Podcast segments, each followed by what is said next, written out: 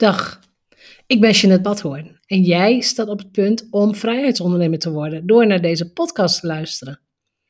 Als bedenker van het merk Vrijheidsondernemer, auteur, mastermind-expert en online ondernemer praat ik over verdienmodellen, ondernemerschap, geld, mindset en persoonlijke ontwikkeling. Hier vind je geen oppervlakkige bla-bla gesprekken en ik doe niet aan hypes. Deze podcast is een combinatie van jarenlange ervaring, ondernemerskennis en identiteitscoaching. Om jou te laten zien dat succes ook voor jou mogelijk is. Als je meer vrijheid en omzet wilt, als je wilt groeien als mens, als je oprecht en authentiek bent, dan is deze podcast voor jou. Ik ben blij dat je luistert. Aflevering 238. De menopauze. Jongens, het is me wat. Of meisjes, dames, het is me wat. Wat een gedoe. Met gezweet, met opvliegers, met slecht slapen, met korte lontjes, met gewichtstoename, het alles en nog wat. Jij gaat luisteren naar een gesprek dat ik had met Marieke Schuring. Zij is oprichter van Menokracht. Het is een rauw en eerlijk gesprek over onze eigen struggles, over de overgang, over waarom het nu ineens wel relevant is om daarover te gaan praten. Uh, en ik weet niet of je er meteen ook tips uit gaat halen. Eigenlijk de, de, de hoofdtip is: praat erover. Praat over je klachten, benoem ze, koppel ze eventueel aan de overgang en zoek hulp. Ga naar je huisarts, ga naar een overgangsconsulent, doe er wat mee. Je kunt op het platform Menokracht sowieso informatie vinden hierover. Ook daar kun je meedoen aan bepaalde sessies. Maar ja, weet je, wees blij dat we ouder worden. En hier hebben we gewoon mee te maken. It is what it is. Dus veel plezier met deze aflevering. Marieke Schuring, welkom in de Vrijheidsondernemersshow. Hallo. ja, goedemorgen. En Marieke, ja. Ik weet niet, ik zeg goedemorgen, want wij zijn nog in de ochtend. Ik weet niet wanneer mensen luisteren natuurlijk. Maar nee. Marieke Schuring, founder van Menokracht en voormalig directeur-eigenaar van Fairnet. Verantwoordelijk voor de verzuimbenchmark in de zorgsector.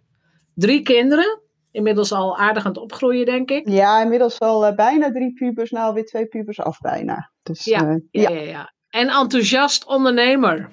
Ja, al heel lang. Vanaf 2010. Ja. ja. Ja, klopt. Ja, ja, dat is ook alweer elf jaar. Ja, ook alweer elf jaar. Jubileum ja. heb ik net gehad. Ja. Tuurlijk. We vieren, alles vieren. We gaan alles vieren. Alles. Zelfs, zelfs de menopauze. Ja, laten we dat doen. We nemen er een taartje bij en kom op. We maken er een ja, feestje Ja, van. die, kan het zeggen. Ja. Dat, kan, dat kan er nog wel bij, bij al die coronakilo's en zo. Ja, daarom. Ja, want meen, jij hebt je de afgelopen twee, drie jaar volledig Ja. ondergedompeld in menopauze of was het al eerder?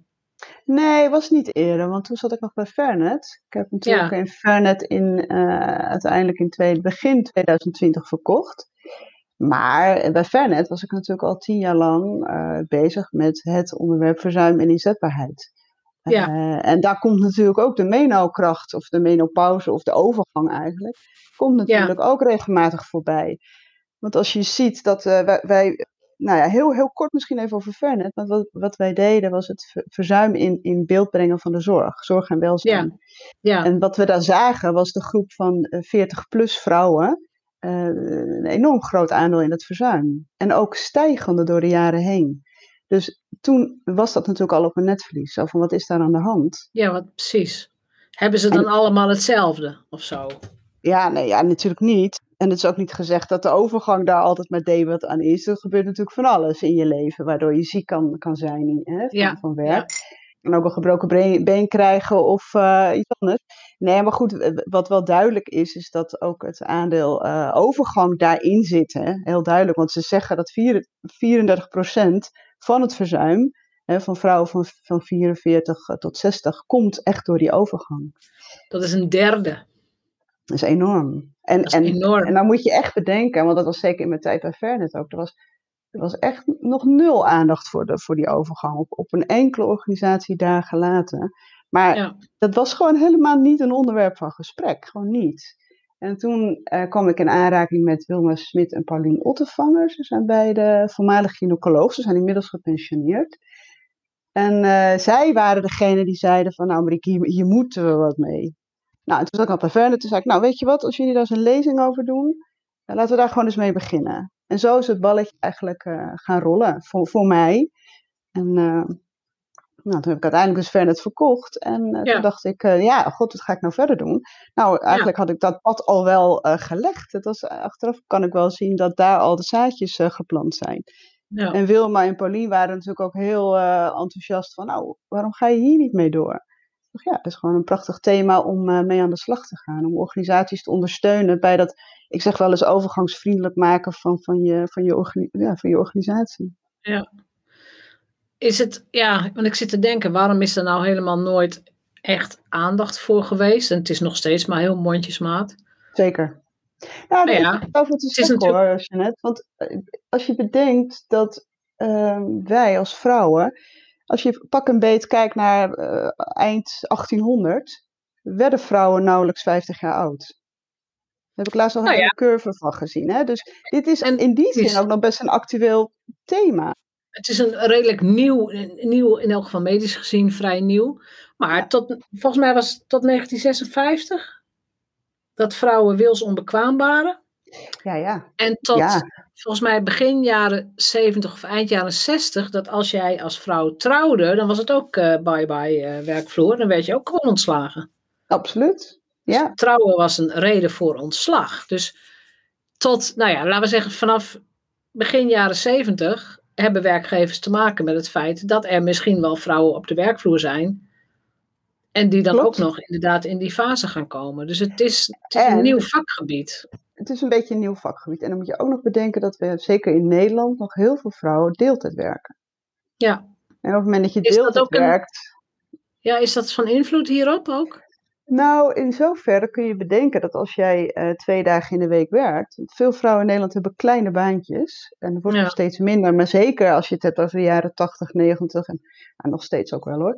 Als jij deeltijd werkt, twee dagen in de week, dan kun jij je klachten heel veel beter handelen. Want dat betekent ook dat je als je een dag gewerkt hebt, dat je weer twee dagen niet hoeft te werken. Ja. Dan kun je, ook, kun je beter je, je tijd doseren, beter, beter je energie verdelen. Ja.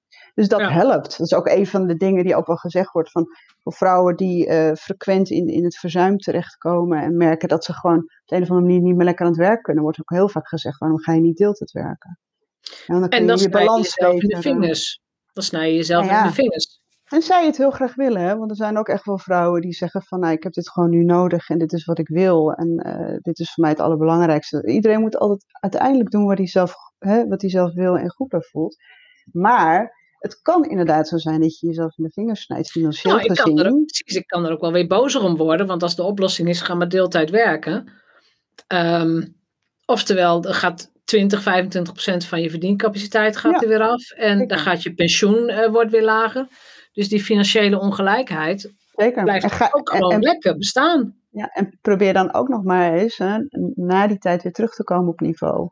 En dat, dat is ook wat veel ja. gebeurt. Dat als je eenmaal kiest voor minder werken, dat je ook niet zomaar weer uh, fulltime terugkomt in, in, je baan. Maar weet je wat ik dan nog veel erger vind, Jeanette? Dat zijn dat eigenlijk die vrouwen, is best wel een groep vrouwen, die ervoor kiest om tijdens die overgang uh, echt een andere, of ontslag te nemen, ergens anders te gaan werken, mm -hmm. en dan echt onder hun niveau te gaan werken. Ja. Dus die zeggen van, weet je wat, ik ga wel tijdelijk uh, secretaresse worden, of ik ga tijdelijk een, een wat minder heftig baantje nemen, want daarmee ja. kan ik mijn werkbalans beter in de gaten Om te overleven. Eigenlijk om te overleven. En ja. veel vrouwen zoeken dan toch de oplossing heel erg bij zichzelf. He, dus van ik ben verantwoordelijk hiervoor, ik, ik heb dit, uh, ik wil ook uh, af van die stress, want dat hoor ik dan heel vaak. Ja, ja. En ik, ik van overzie de stress gewoon niet meer, ik, ik heb er zoveel last van. Uh, ik heb zoveel, de, mijn werkgever verwacht op dit moment zoveel en ik kan het gewoon niet goed bieden. En het feit dat ik dat niet goed kan bieden, geeft mij zoveel stress dat ik me niet goed voel. Ja. Ja, ja. dan kom je weer terug op van ja, uiteindelijk moet de vrouw natuurlijk wel de eigen keuzes maken. Uh, maar het zou natuurlijk enorm helpen als die werkgever dan zegt, weet je wat, laten we daar gewoon eens over praten met elkaar. Nou ja, en als je het gaat zien als een, een maatschappelijke, nou ja, maatschappelijk probleem, maatschappelijke ziekte, zoiets als de zwangerschap bijvoorbeeld. Mm -hmm. dat er dus ook een financiële andere oplossing zou gaan komen. Ook Ja, voor werkgevers. En dan noem je ook echt het woord ziekte, maar dat is ook nog zo'n punt. Van in wezen is in de overgang zijn natuurlijk niet, eh, geen ziekte. Nee, Ja, net als zwangerschap. Ja, het is een natuurlijk Ja. proces. Maar Ja. maar ja, zo wordt het wel. Nou, kijk, het kan wel leiden natuurlijk tot, tot, tot ziekmakende gevoelens. Hè? Dat is zeker waar. Als jij, ja absoluut. als jij ongelooflijk migraine hebt, als jij heel veel last hebt van slapeloosheid, waardoor je gewoon helemaal de weg kwijt bent. Of nou, er kan van alles gebeuren. Ja, zullen we het lijstjes doornemen? Dus wat, überhaupt, hè, voor iedereen, want ik weet dat de gemiddelde luisteraar naar deze podcast is vrouw, eh Ja. 35 plus. ja, ja. No- Noem, Nou, eens even een, noem eens even een mooie lijst van alles wat met die overgang te maken heeft. Zowel Ja. fysiek als psychisch. Ja, ze maken altijd het eh, onderscheid tussen typische en atypische klachten.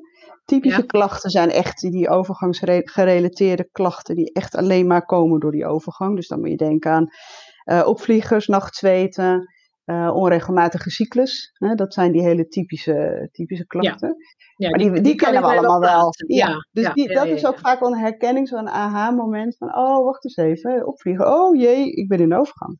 Ja. Maar dan heb je al die klachten en die, die atypische lijst is, is enorm groot. Want dan moet je echt, eh, dat, dat kan eigenlijk van alles zijn.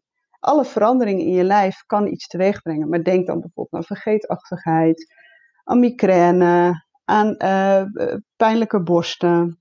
Nou ja, natuurlijk allerlei eh, lichamelijke klachten, ook, dus ook vaginale droogheid. Nou ja, ik weet niet of je wel dat soort zaken. Minder seks hebben, of minder zin hebben in seks. Uh, maar ook uh, angsten. Bijvoorbeeld ineens heel angstig kunnen zijn voor dingen waar je daarvoor helemaal nooit over nagedacht hebt. Uh, gewrichts- en spierklachten komen ook veel voor. Dus het voelen van de schouder, het voelen van de knieën. Nou, slapeloosheid hoef ik denk niet eens te noemen. Ik denk dat iedereen dat ook wel uh, weet. Nachtzweten. Nou, nou, ja, nachts. Oh, er zijn zoveel klachten. Maar het gaat er eigenlijk om, want ik, ik kan niet alles opnoemen hier. Er zal Nee. vast een luisteraar zijn die, die denkt: ja, maar ik heb dit en hoort dat er dan ook bij. Ik denk dat, een, um, dat het heel goed is om jezelf te, bij jezelf na te gaan. Uh, hoe oud ben ik? Ben ik 40 plus? Zijn er veranderingen in mijn lijf? Voel ik me anders, zowel geestelijk als lichamelijk? Dan, dan mag je jezelf wel de vraag stellen: zou dat de overgang kunnen zijn? En ja, dat mag, mag overgangsgerelateerd. Ja, en Ja. dat mag je al vanaf, vanaf 40 plus doen. En voor sommige vrouwen geldt dat zelfs al eerder. Uh, en dat is, dat is een beetje een punt wat veel vrouwen niet goed weten. Nee. Uh, hè, als jij 40 plus bent, uh, dan denk je niet na aan, aan, de, aan de overgang. Ik heb, ik, ik heb zelf ook die ervaring. Ik was toen 43 en ik kreeg in één keer heel veel last van uh, allerlei angstproblematieken. En dan moet je echt denken aan, ik durfde in één keer niet de skilift in.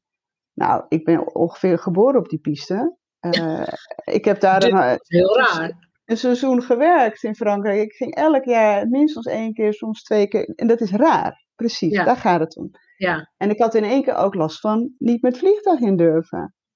En ik vond in één keer tunnels eng. Ja, ik ga maar even gewoon eerlijk, want ik hou heel erg van, laten we in godsnaam hier gewoon Ja. open over praten. Ja. Want het heeft helemaal geen zin om er niet over te praten.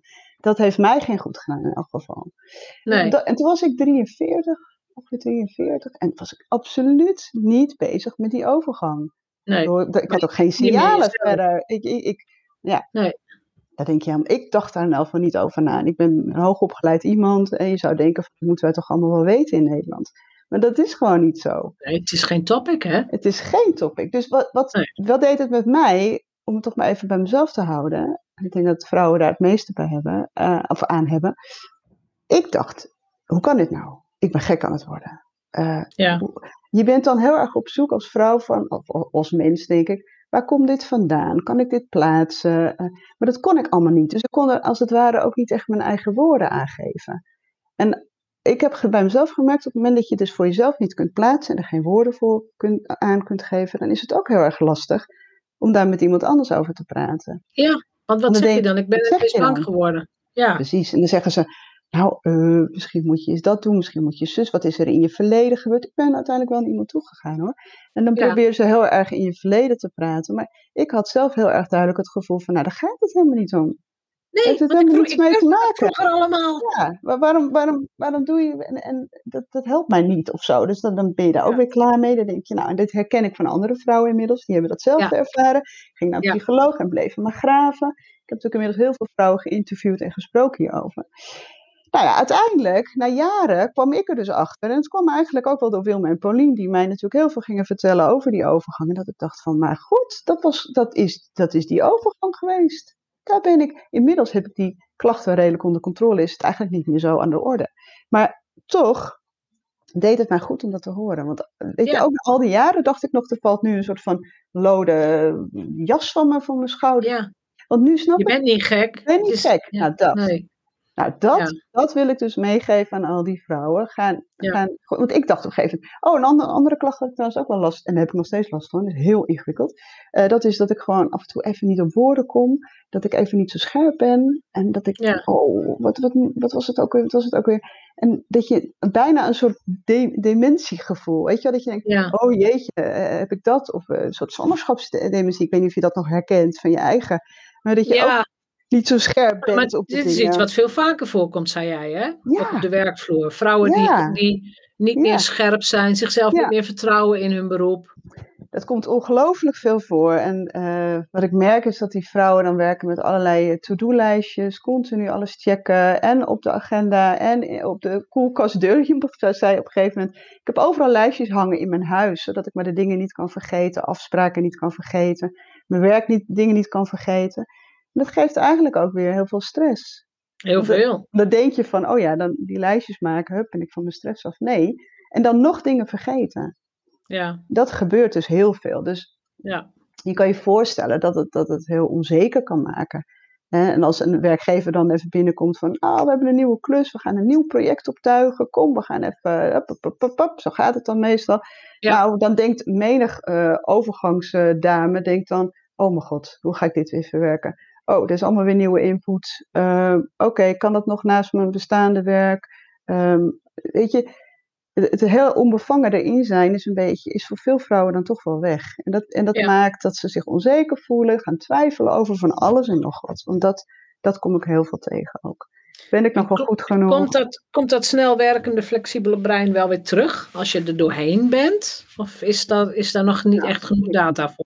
Is een goede vraag. eh. Ik zou er graag een beter antwoord op Is er willen hoop? Is er hoop? Nou, wat ik bij mezelf merk, eh, er zijn ook dagen dat, dat het heel goed gaat. Het, is ook, Ja. ook- het komt met vlagen en dat heeft ook te maken met die wisselende hormoonspiegel in je lijf.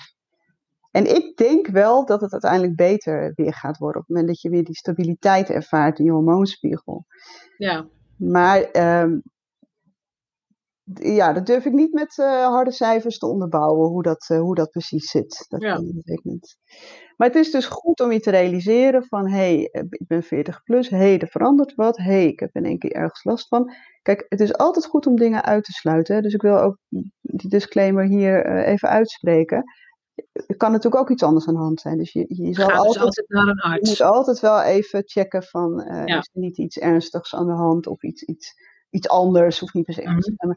Maar je mag wel altijd bij, je moet eigenlijk bij jezelf de vraag stellen, zou het de overgang kunnen zijn? Ja. En sterker nog, als je dan naar een arts gaat, of dat nou een huisarts is, of een eh, bedrijfsarts, of een, eh, zie- in het ziekenhuis, dan moet je dat, die vraag ook neerleggen. Want in de Ja, praktijk... En, en dan weet ik van jou, Mhm. hoe serieus word jij als vrouw genomen door deze professionals, dus Ja. door deze artsen? Precies. Nou ja, daar zit wel een, een probleem. Ja, Ik had van de week nog iemand die eh, gewoon niet eh, met de huisarts kan, goed kan praten over die hormoonsuppletie. Die slikt al jaren eh, een hormoonsuppletie. Dat kan, hè? Dat, dat kan een oplossing zijn voor vrouwen in de overgang. Die is onlangs gewijzigd van, van de huisarts vanwege een verhuizing. En krijgen we deze, eh, deze huisarts eigenlijk gewoon niet het herhaalrecept. Daar komt het op neer. En uiteindelijk ook niet een doorverwijzing naar de, naar de gynaecoloog, waar zij, eh, nou ja, mee, maar het, is heel, het is heel groot, een beetje te veel om hier allemaal te vertellen, maar ja, geeft even aan hoe huisartsen ehm, kijken, kunnen kijken naar de overgang. Ja, want hoeveel, hoe, hoe, hoeveel zit er in het curriculum van een arts in opleiding over Nou, overgang? Heel veel huisartsen die, die nu praktiseren, die hebben daar eh, misschien wel helemaal nooit in een curriculum. Zeker de ouderen. Hè? En ik hoorde onlangs dat er wordt nu wel iets aandacht aan besteed, maar dan moet je echt denken aan een aantal eh, uren. Ja, het, Ja. het is nog steeds niet, niet helemaal eh, een onderwerp van gesprek. Ook, ook Nee. Niet in, Nee. in het onderwijs. Dan komt mijn inderdaad. feministische kant natuurlijk weer naar boven. Want dit is gewoon echt het, ook het, nou, het patriarchale waar we nog steeds in zitten. Het systeem. Ja. Geneeskunde is ook nog steeds gebaseerd op, nou ja, op mannen. Klopt. Ja. Gelukkig is het aan het wijzigen. Dus jouw werk is gewoon ontzettend hard nodig. Ja, Maar Nou ja, zeker. ja, wij moeten ervoor vechten. Voor de dingen die we willen. Het lijkt wel of we er allemaal voor moeten vechten. En Ja. eh, ik heb ook veel contact met de verpleegkundige overgangsconsulenten van, van de VVOC. Dus dat is de Vereniging voor, Pleeg, voor Verpleegkundige Overgangsconsulenten. Zo'n beroepsgroep die eh, aan het groeien is. eh, wat mij betreft een mooie beroepsgroep. Het zijn vooral verpleegkundigen die nog een, een, een, een- zeg maar echt een extra studie doen Ja. rondom die overgang. Ehm, zij weten er veel over, zijn laagdrempelig. Je kunt er zo eh, aanschuiven. Heb je geen verwijzing voor nodig van je, van je huisarts. Dus dat is even goed om te weten voor iedereen. Vaak worden de kosten ook gewoon vergoed vanuit je pakket. Ehm, maar ook zij moeten vechten voor een positie. Weet Ja. je, zij worden ook weggezet door huisartsen als, daar heb ik ook al verhalen over gehoord. Huisartsen die zeggen, ze zijn niet medisch opgeleid, ik neem hun advies niet serieus. Ja, nou ja, dat dus. Ja. Dat is, dus, Dus we inderdaad nog Daar een vechten we handwerk gewoon, ja, precies. Daar vechten we gewoon over door. We, we zijn dan eind gekomen vanaf begin jaren zeventig. En we gaan gewoon door. Ja, is het. Ja, we stoppen nog lang niet. Nee, We stoppen nog Nou, lang niet. Nee. Moesje, het moet ook eerlijk zijn. Afgelopen jaar is er, is er veel meer aandacht voor die overgang geweest eh, dan ooit. Hè? Dus ik merk wel dat er echt steeds meer partijen zijn die ook eh, op eh, dit spoor zitten. En Maar het steeds zijn nog, meer... volgens mij nog wel steeds de vrouwen die het voor vrouwen doen. Oh ja. ja, het zijn vooral Ja. de vrouwen die het voor vrouwen doen. Dat Ja, klopt. dus het, het Dat voelt klopt. nog steeds als. Ja, nee, we zijn Eh, er nog niet. Nee, dat we moeten vechten voor een serieuze plek, ook op dit gebied. Nee, ja. dat moeten we. En daar moeten we ook hard voor vechten. Want als je dan be- bedenkt dat de meeste werkgevers, eh, die hebben dit ook gewoon echt nog niet op de agenda staan. Nee. En niet, of niet goed genoeg. Hè, wat mij betreft. Want er zijn best werkgevers die inmiddels wel een, een workshopje hier of een informatiebijeenkomst daar doen. Mm. Maar dan? Want dan hebben die Ja. vrouwen wat meer gehoord. En hoe ga je die vrouwen dan faciliteren? Hoe Ja. ga je ervoor zorgen dat die vrouwen dan eh, hiermee kunnen dealen in hun werk en overeind blijven? Hè, want het is een fase waar je doorheen gaat. Dus uiteindelijk Ja. moet je ook gewoon weer boven water kunnen komen. Wat kan een werkgever hè, doen om daarin wat beter te faciliteren? Nou, wat mij Ja. betreft is stap 1 gewoon maar eerst eens met elkaar het gesprek aangaan. Echt het Ja. gesprek. Dus eigenlijk is dat een soort levensloopbestendige loopbaan of zo. Net als een huis wat je kunt aanpassen. Ja, precies. Net als de- als je zwanger bent, wordt er ook met je gesproken over: oké, je bent nu zwanger. Wat wil je dan doen als je terugkomt? Hoe wil je instromen? Hoe ziet dan je week eruit? Eh, ga je minder werken? Ga je meer werken? Eh, dat gesprek kunnen we toch ook voeren als we in de overgang zitten. Ik weet dat jij je voornamelijk richt op eh, grotere bedrijven, op teams, op eh, werkgevers.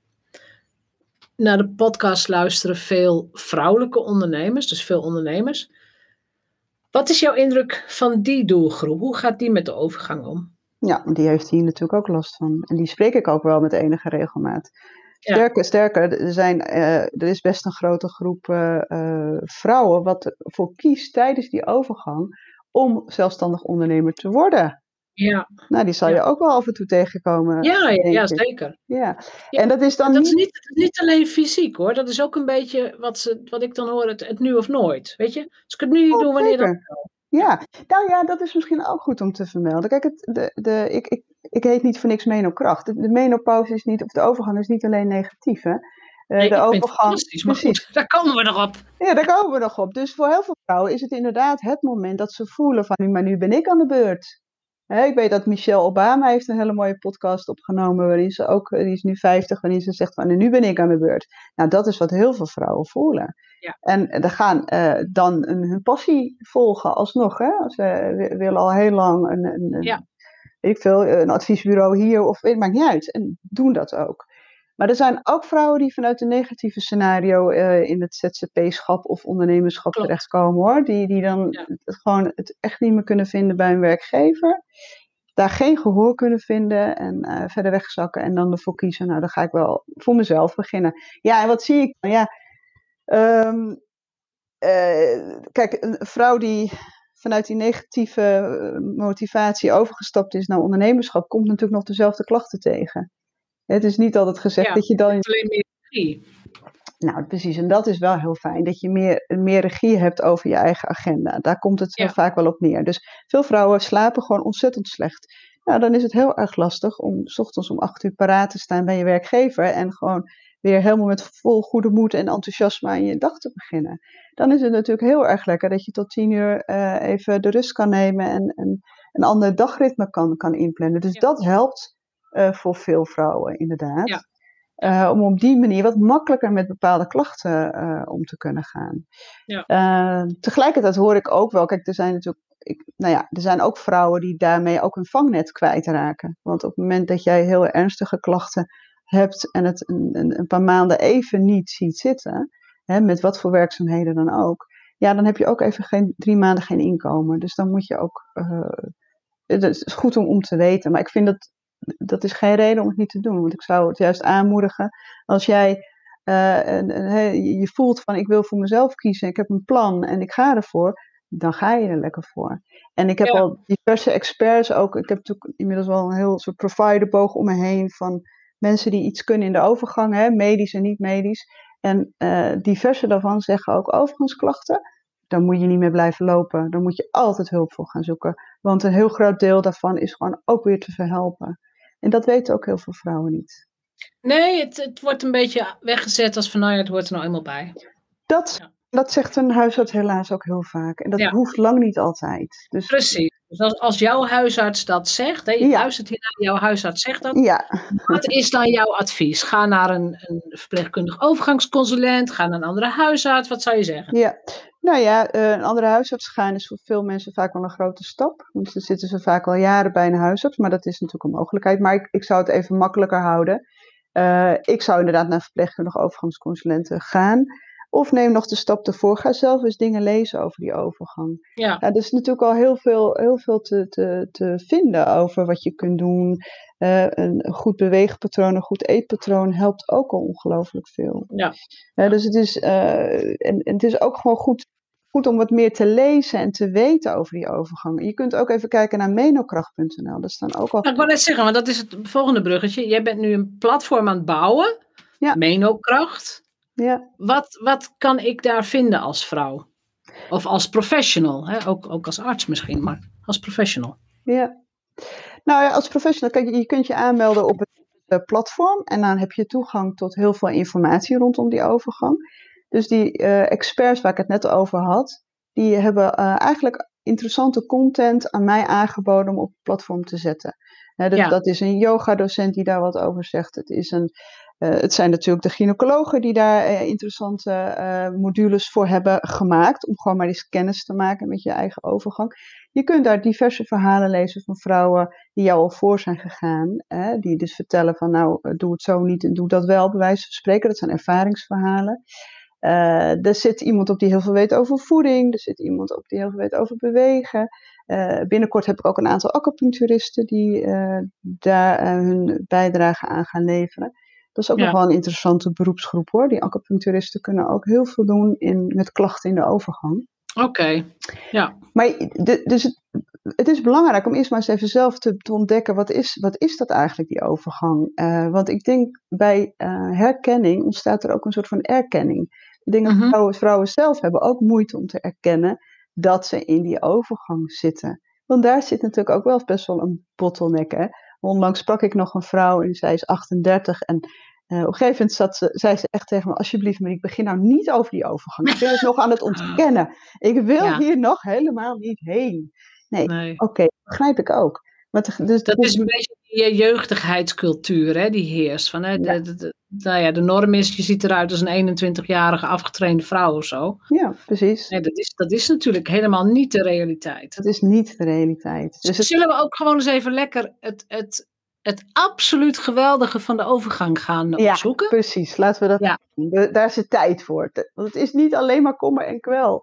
Nee, Nee, nee wat, ik ervaar, en ik ben benieuwd of jij ook wil zeggen wat jij ervaart, Jeanette, maar Ja. wat ik ervaar is dat ik veel makkelijker kan denken, wat de hel wat iedereen denkt en doet.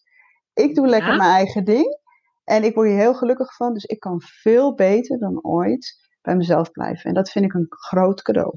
ja, dat herken ik één op één en ik, ik heb hem nog veel sterker. Het is echt een beetje van, eh, what the fuck, eh, jullie zeuren maar net weg, ik ga lekker dit doen. Ja, Ik, ik denk dat ik er nog iets extremer in ben dan Ja. zoals jij het zegt. ja, ja, Ehm, ik heb hier thuis ook op een gegeven moment, mijn kinderen zijn dan nu 23, 21 en 17. Die van 17 woont nog thuis, die andere twee niet. Ehm, maar weet je, op een gegeven moment, de kinderen komen natuurlijk regelmatig thuis. Maar op een gegeven moment heb ik gezegd, ja jongens, eh, jullie moeten zelf maar even iets te eten maken. Weet ik veel. Mijn zorghormonen zijn op. ja. En vooral mijn oudste, die schrok daarvan. Ja, natuurlijk. Want die denkt, huh, jij bent toch mijn moeder? Je doet toch Ja. alles voor mij? Ja, Ja, ja. ik zeg, mijn zorghormonen zijn op. Dus eh, ik hou heel veel van jullie, maar je moet voor jezelf gaan zorgen. Nou, die, die moest daar echt helemaal aan wennen, aan een soort nieuwe rolverdeling tussen, nou ja, tussen zoon en eh, moeder eh, in dit opzicht. Maar, maar dat is ook goed. Het is, ik voel me ook Ja. als een soort beetje moedervogel die die kinderen gewoon het nest uitduwt. Ondanks dat het heel stil en heel saai is en het empty nest, weet je. Ja, dat is er ook. Dat is er ook. Maar, dat maar- is er ook, maar, Ja. maar het moet wel. Het Ja. moet echt. nou ja, en dat is heel mooi dat je dat zo omschrijft, want dat gebeurt dus letterlijk. Je, je oestrogeenniveau is eh, gedaald inmiddels. Hè. Dat daalt gedurende die overgang en uiteindelijk kom je echt in die menopauze. Dat is eigenlijk een momentopname, hè, dat je dus niet meer menstrueert. Dan kom, dan, ja, en dan kom je in de postmenopauze en dan is dat oestrogeen is, is voor een heel groot deel je lijf uit. En daarmee dus ook je zorghormoon is voor een heel groot deel je lijf uit. Dus dit is een heel mooi voorbeeld. Want jij, jij, jij zegt het, maar dit is wat heel veel vrouwen ervaren. Ja. En, en, en ik heb laatst nog een gesprek gehad met een vrouw die, ehm, nou ja, ook met twee puberende kinderen thuis van 16 en 18. En echt af en toe flinke bonje heeft met ze om dit thema. Zo van, Ja. ja, ik ben inderdaad niet meer van continu de boodschappen doen en de bedjes opmaken en alles staat klaar. Jullie moeten het zelf doen. Dus eigenlijk is het dus zo, als je erover nadenkt, is het zo'n normaal proces, hè? Die overgang Het is heel een- normaal en ik denk, weet je, biologisch hoort ook. wij krijgen onze kinderen natuurlijk veel te laat. Precies. Want in feite, als je de overgang ingaat, dan moeten die kinderen al lang op eigen beentjes staan. Maar ja, wij krijgen onze kinderen weer veel te laat. Dus En dan waren Ja. wij nog redelijk op tijd. Ik weet niet, ik was toen 29 dat ik begon. Maar denk ook even na over al die vrouwen die echt eind 30, begin 40 nog een kind krijgen. Want die, die worstelen dus met een eigen overgang, met een afnemend zorghormoon. En, dan puber. heb je, klein, nou, heb je kleine kinderen. Er zijn erbij die dan Ja. kinderen van 5, 6 jaar om zich heen hebben Ja, lopen. dat is nog erger. Ja. Dat is nog erger. En dan heb je de vrouwen erbij, dat, dat, die hoor ik het meeste, die hebben echt die, die pubers om zich heen, die herken ik ook. En die dan in ja, dat met de pubers. ja, die dan eh, goede gesprekken moeten voeren met die pubers over van eh, mama is eh, toe aan, aan iets anders. En dat geeft ook zo af en toe stress. Maar dat, dat bedoel, maar het moet ook, wat je zegt. Uiteindelijk ehm, is het leven, zitten we in een cyclus. En dit is ook een, een fase waar we in zitten. En hierin horen wij ons dus los te maken van, van de kinderen. En kennelijk ook alles om ons heen. Dus het, het is een fase die je heel goed kunt gebruiken om nou eindelijk eens een keer je eigen ding te gaan doen. Want dat, Het is een, eh, ja, ik vind het een hele bevrijdende fase. Want weet je, eh, je hoeft geen kinderen meer te krijgen. nee, dus precies. gewoon, dat, is, dat, klaar, dat stuk is klaar. Ehm, je hoeft je ook niet meer te bewijzen, je hoeft je niet meer te meten. Dus je kunt heel erg teruggaan naar, naar de kern, naar de Ja, naar de essentie van jezelf. Ja, ja. En, en ik ben me ook heel erg bewust van sterfelijkheid. Weet je, als je eenmaal 50 bent, ja, hoeveel jaar heb je nog? Niemand Mhm. heeft een garantie op eh, dat hij 100 wordt. Nee, nee. Dus als je dat ook meerekent, ja, waarom zou je dan niet doen waar je het meest van geniet en waar je goed in bent en waar je al die jaren eigenlijk jezelf voor klaar hebt gemaakt? Ja, ja Want klopt. dat wat je doet. Ja.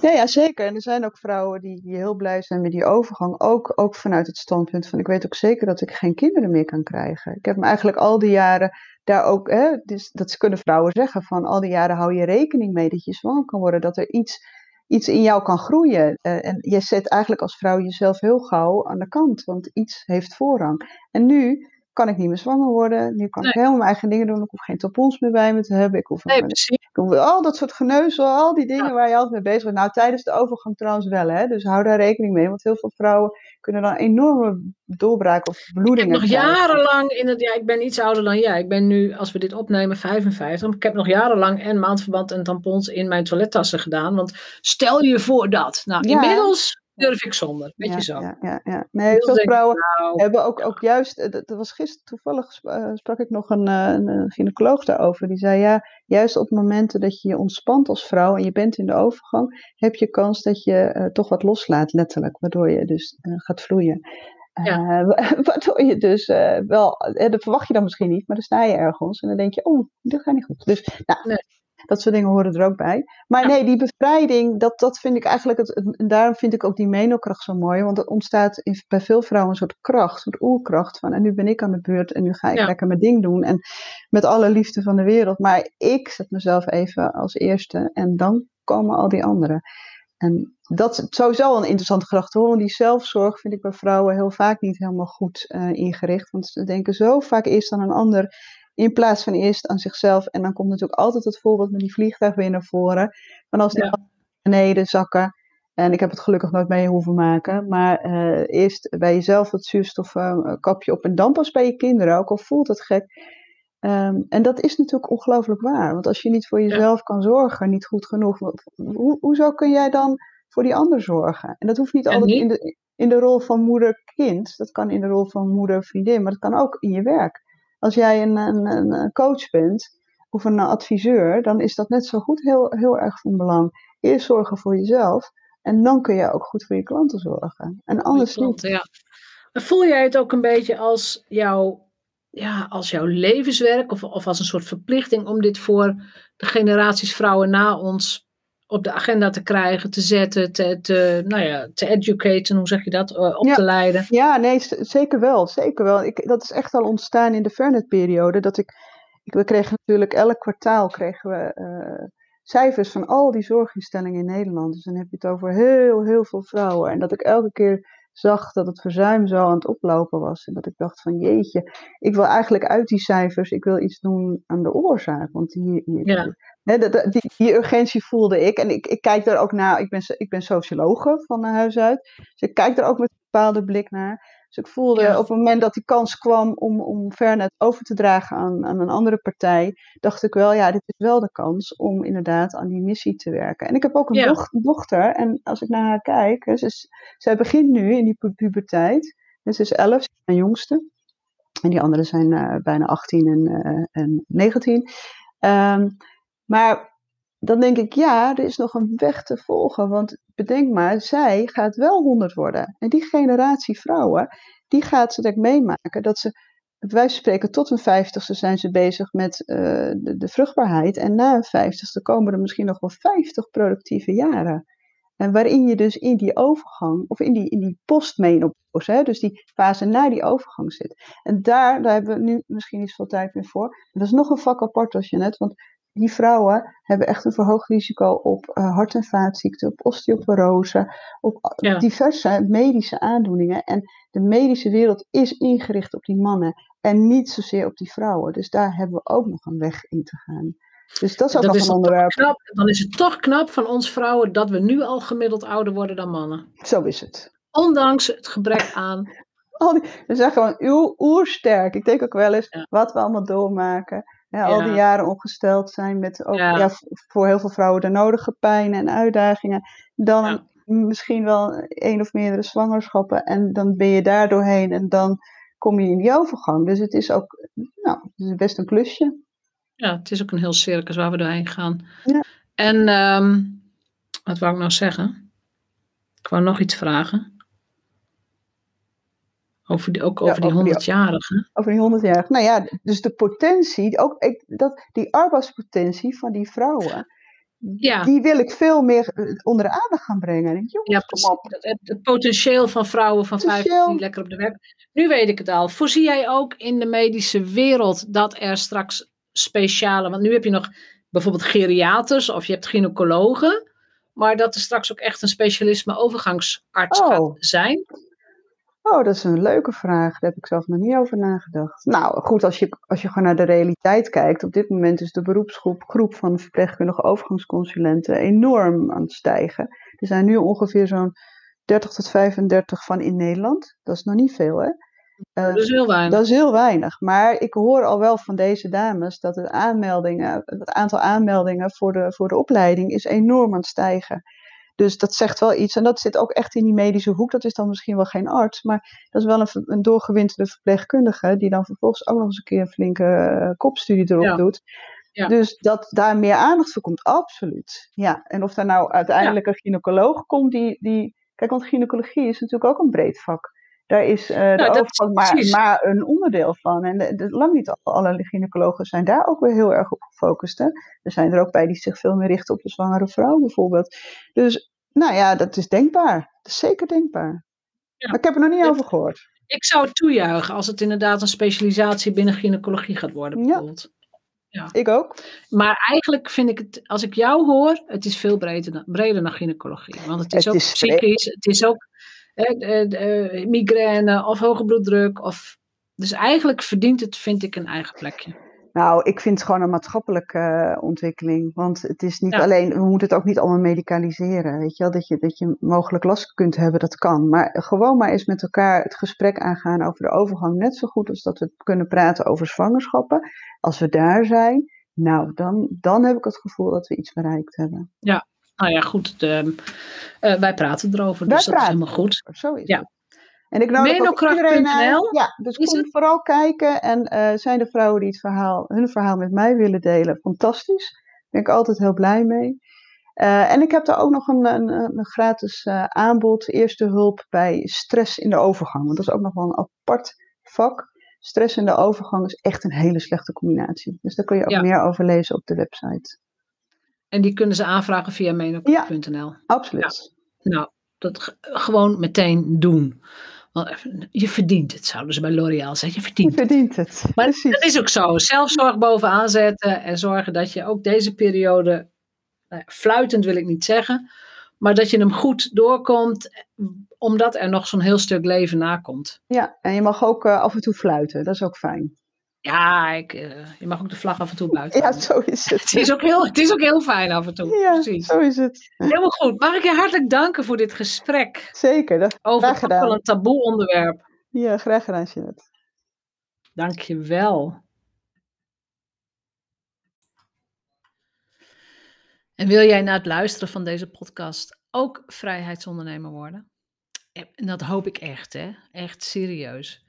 Dus terwijl je luistert, heb je daar waarschijnlijk al eens over nagedacht. Hoe zou dat voor mij zijn, vrijheidsondernemer zijn? Voordat je helemaal wegdroomt, ga naar janettebadhoorn.nl en boek jouw vrijheidsondernemerscall, jouw, jouw intakegesprek. De link staat natuurlijk in de show notes. Samen lopen we dan jouw business door, we noteren alle plussen en we brengen ook meteen je groeipunten in kaart zodat jij meteen verder kunt en jij je business aanpast aan succes. En je vraagt je misschien vaak af hoe jij meer kunt verdienen. En wanneer je de juiste stappen zet in de juiste volgorde, realiseer jij je dat het waarschijnlijk makkelijker is dan je denkt. Omdat jij verandert, verandert ook jouw resultaat. Verander niks totdat je de call inboekt. Ik verheug me op ons gesprek.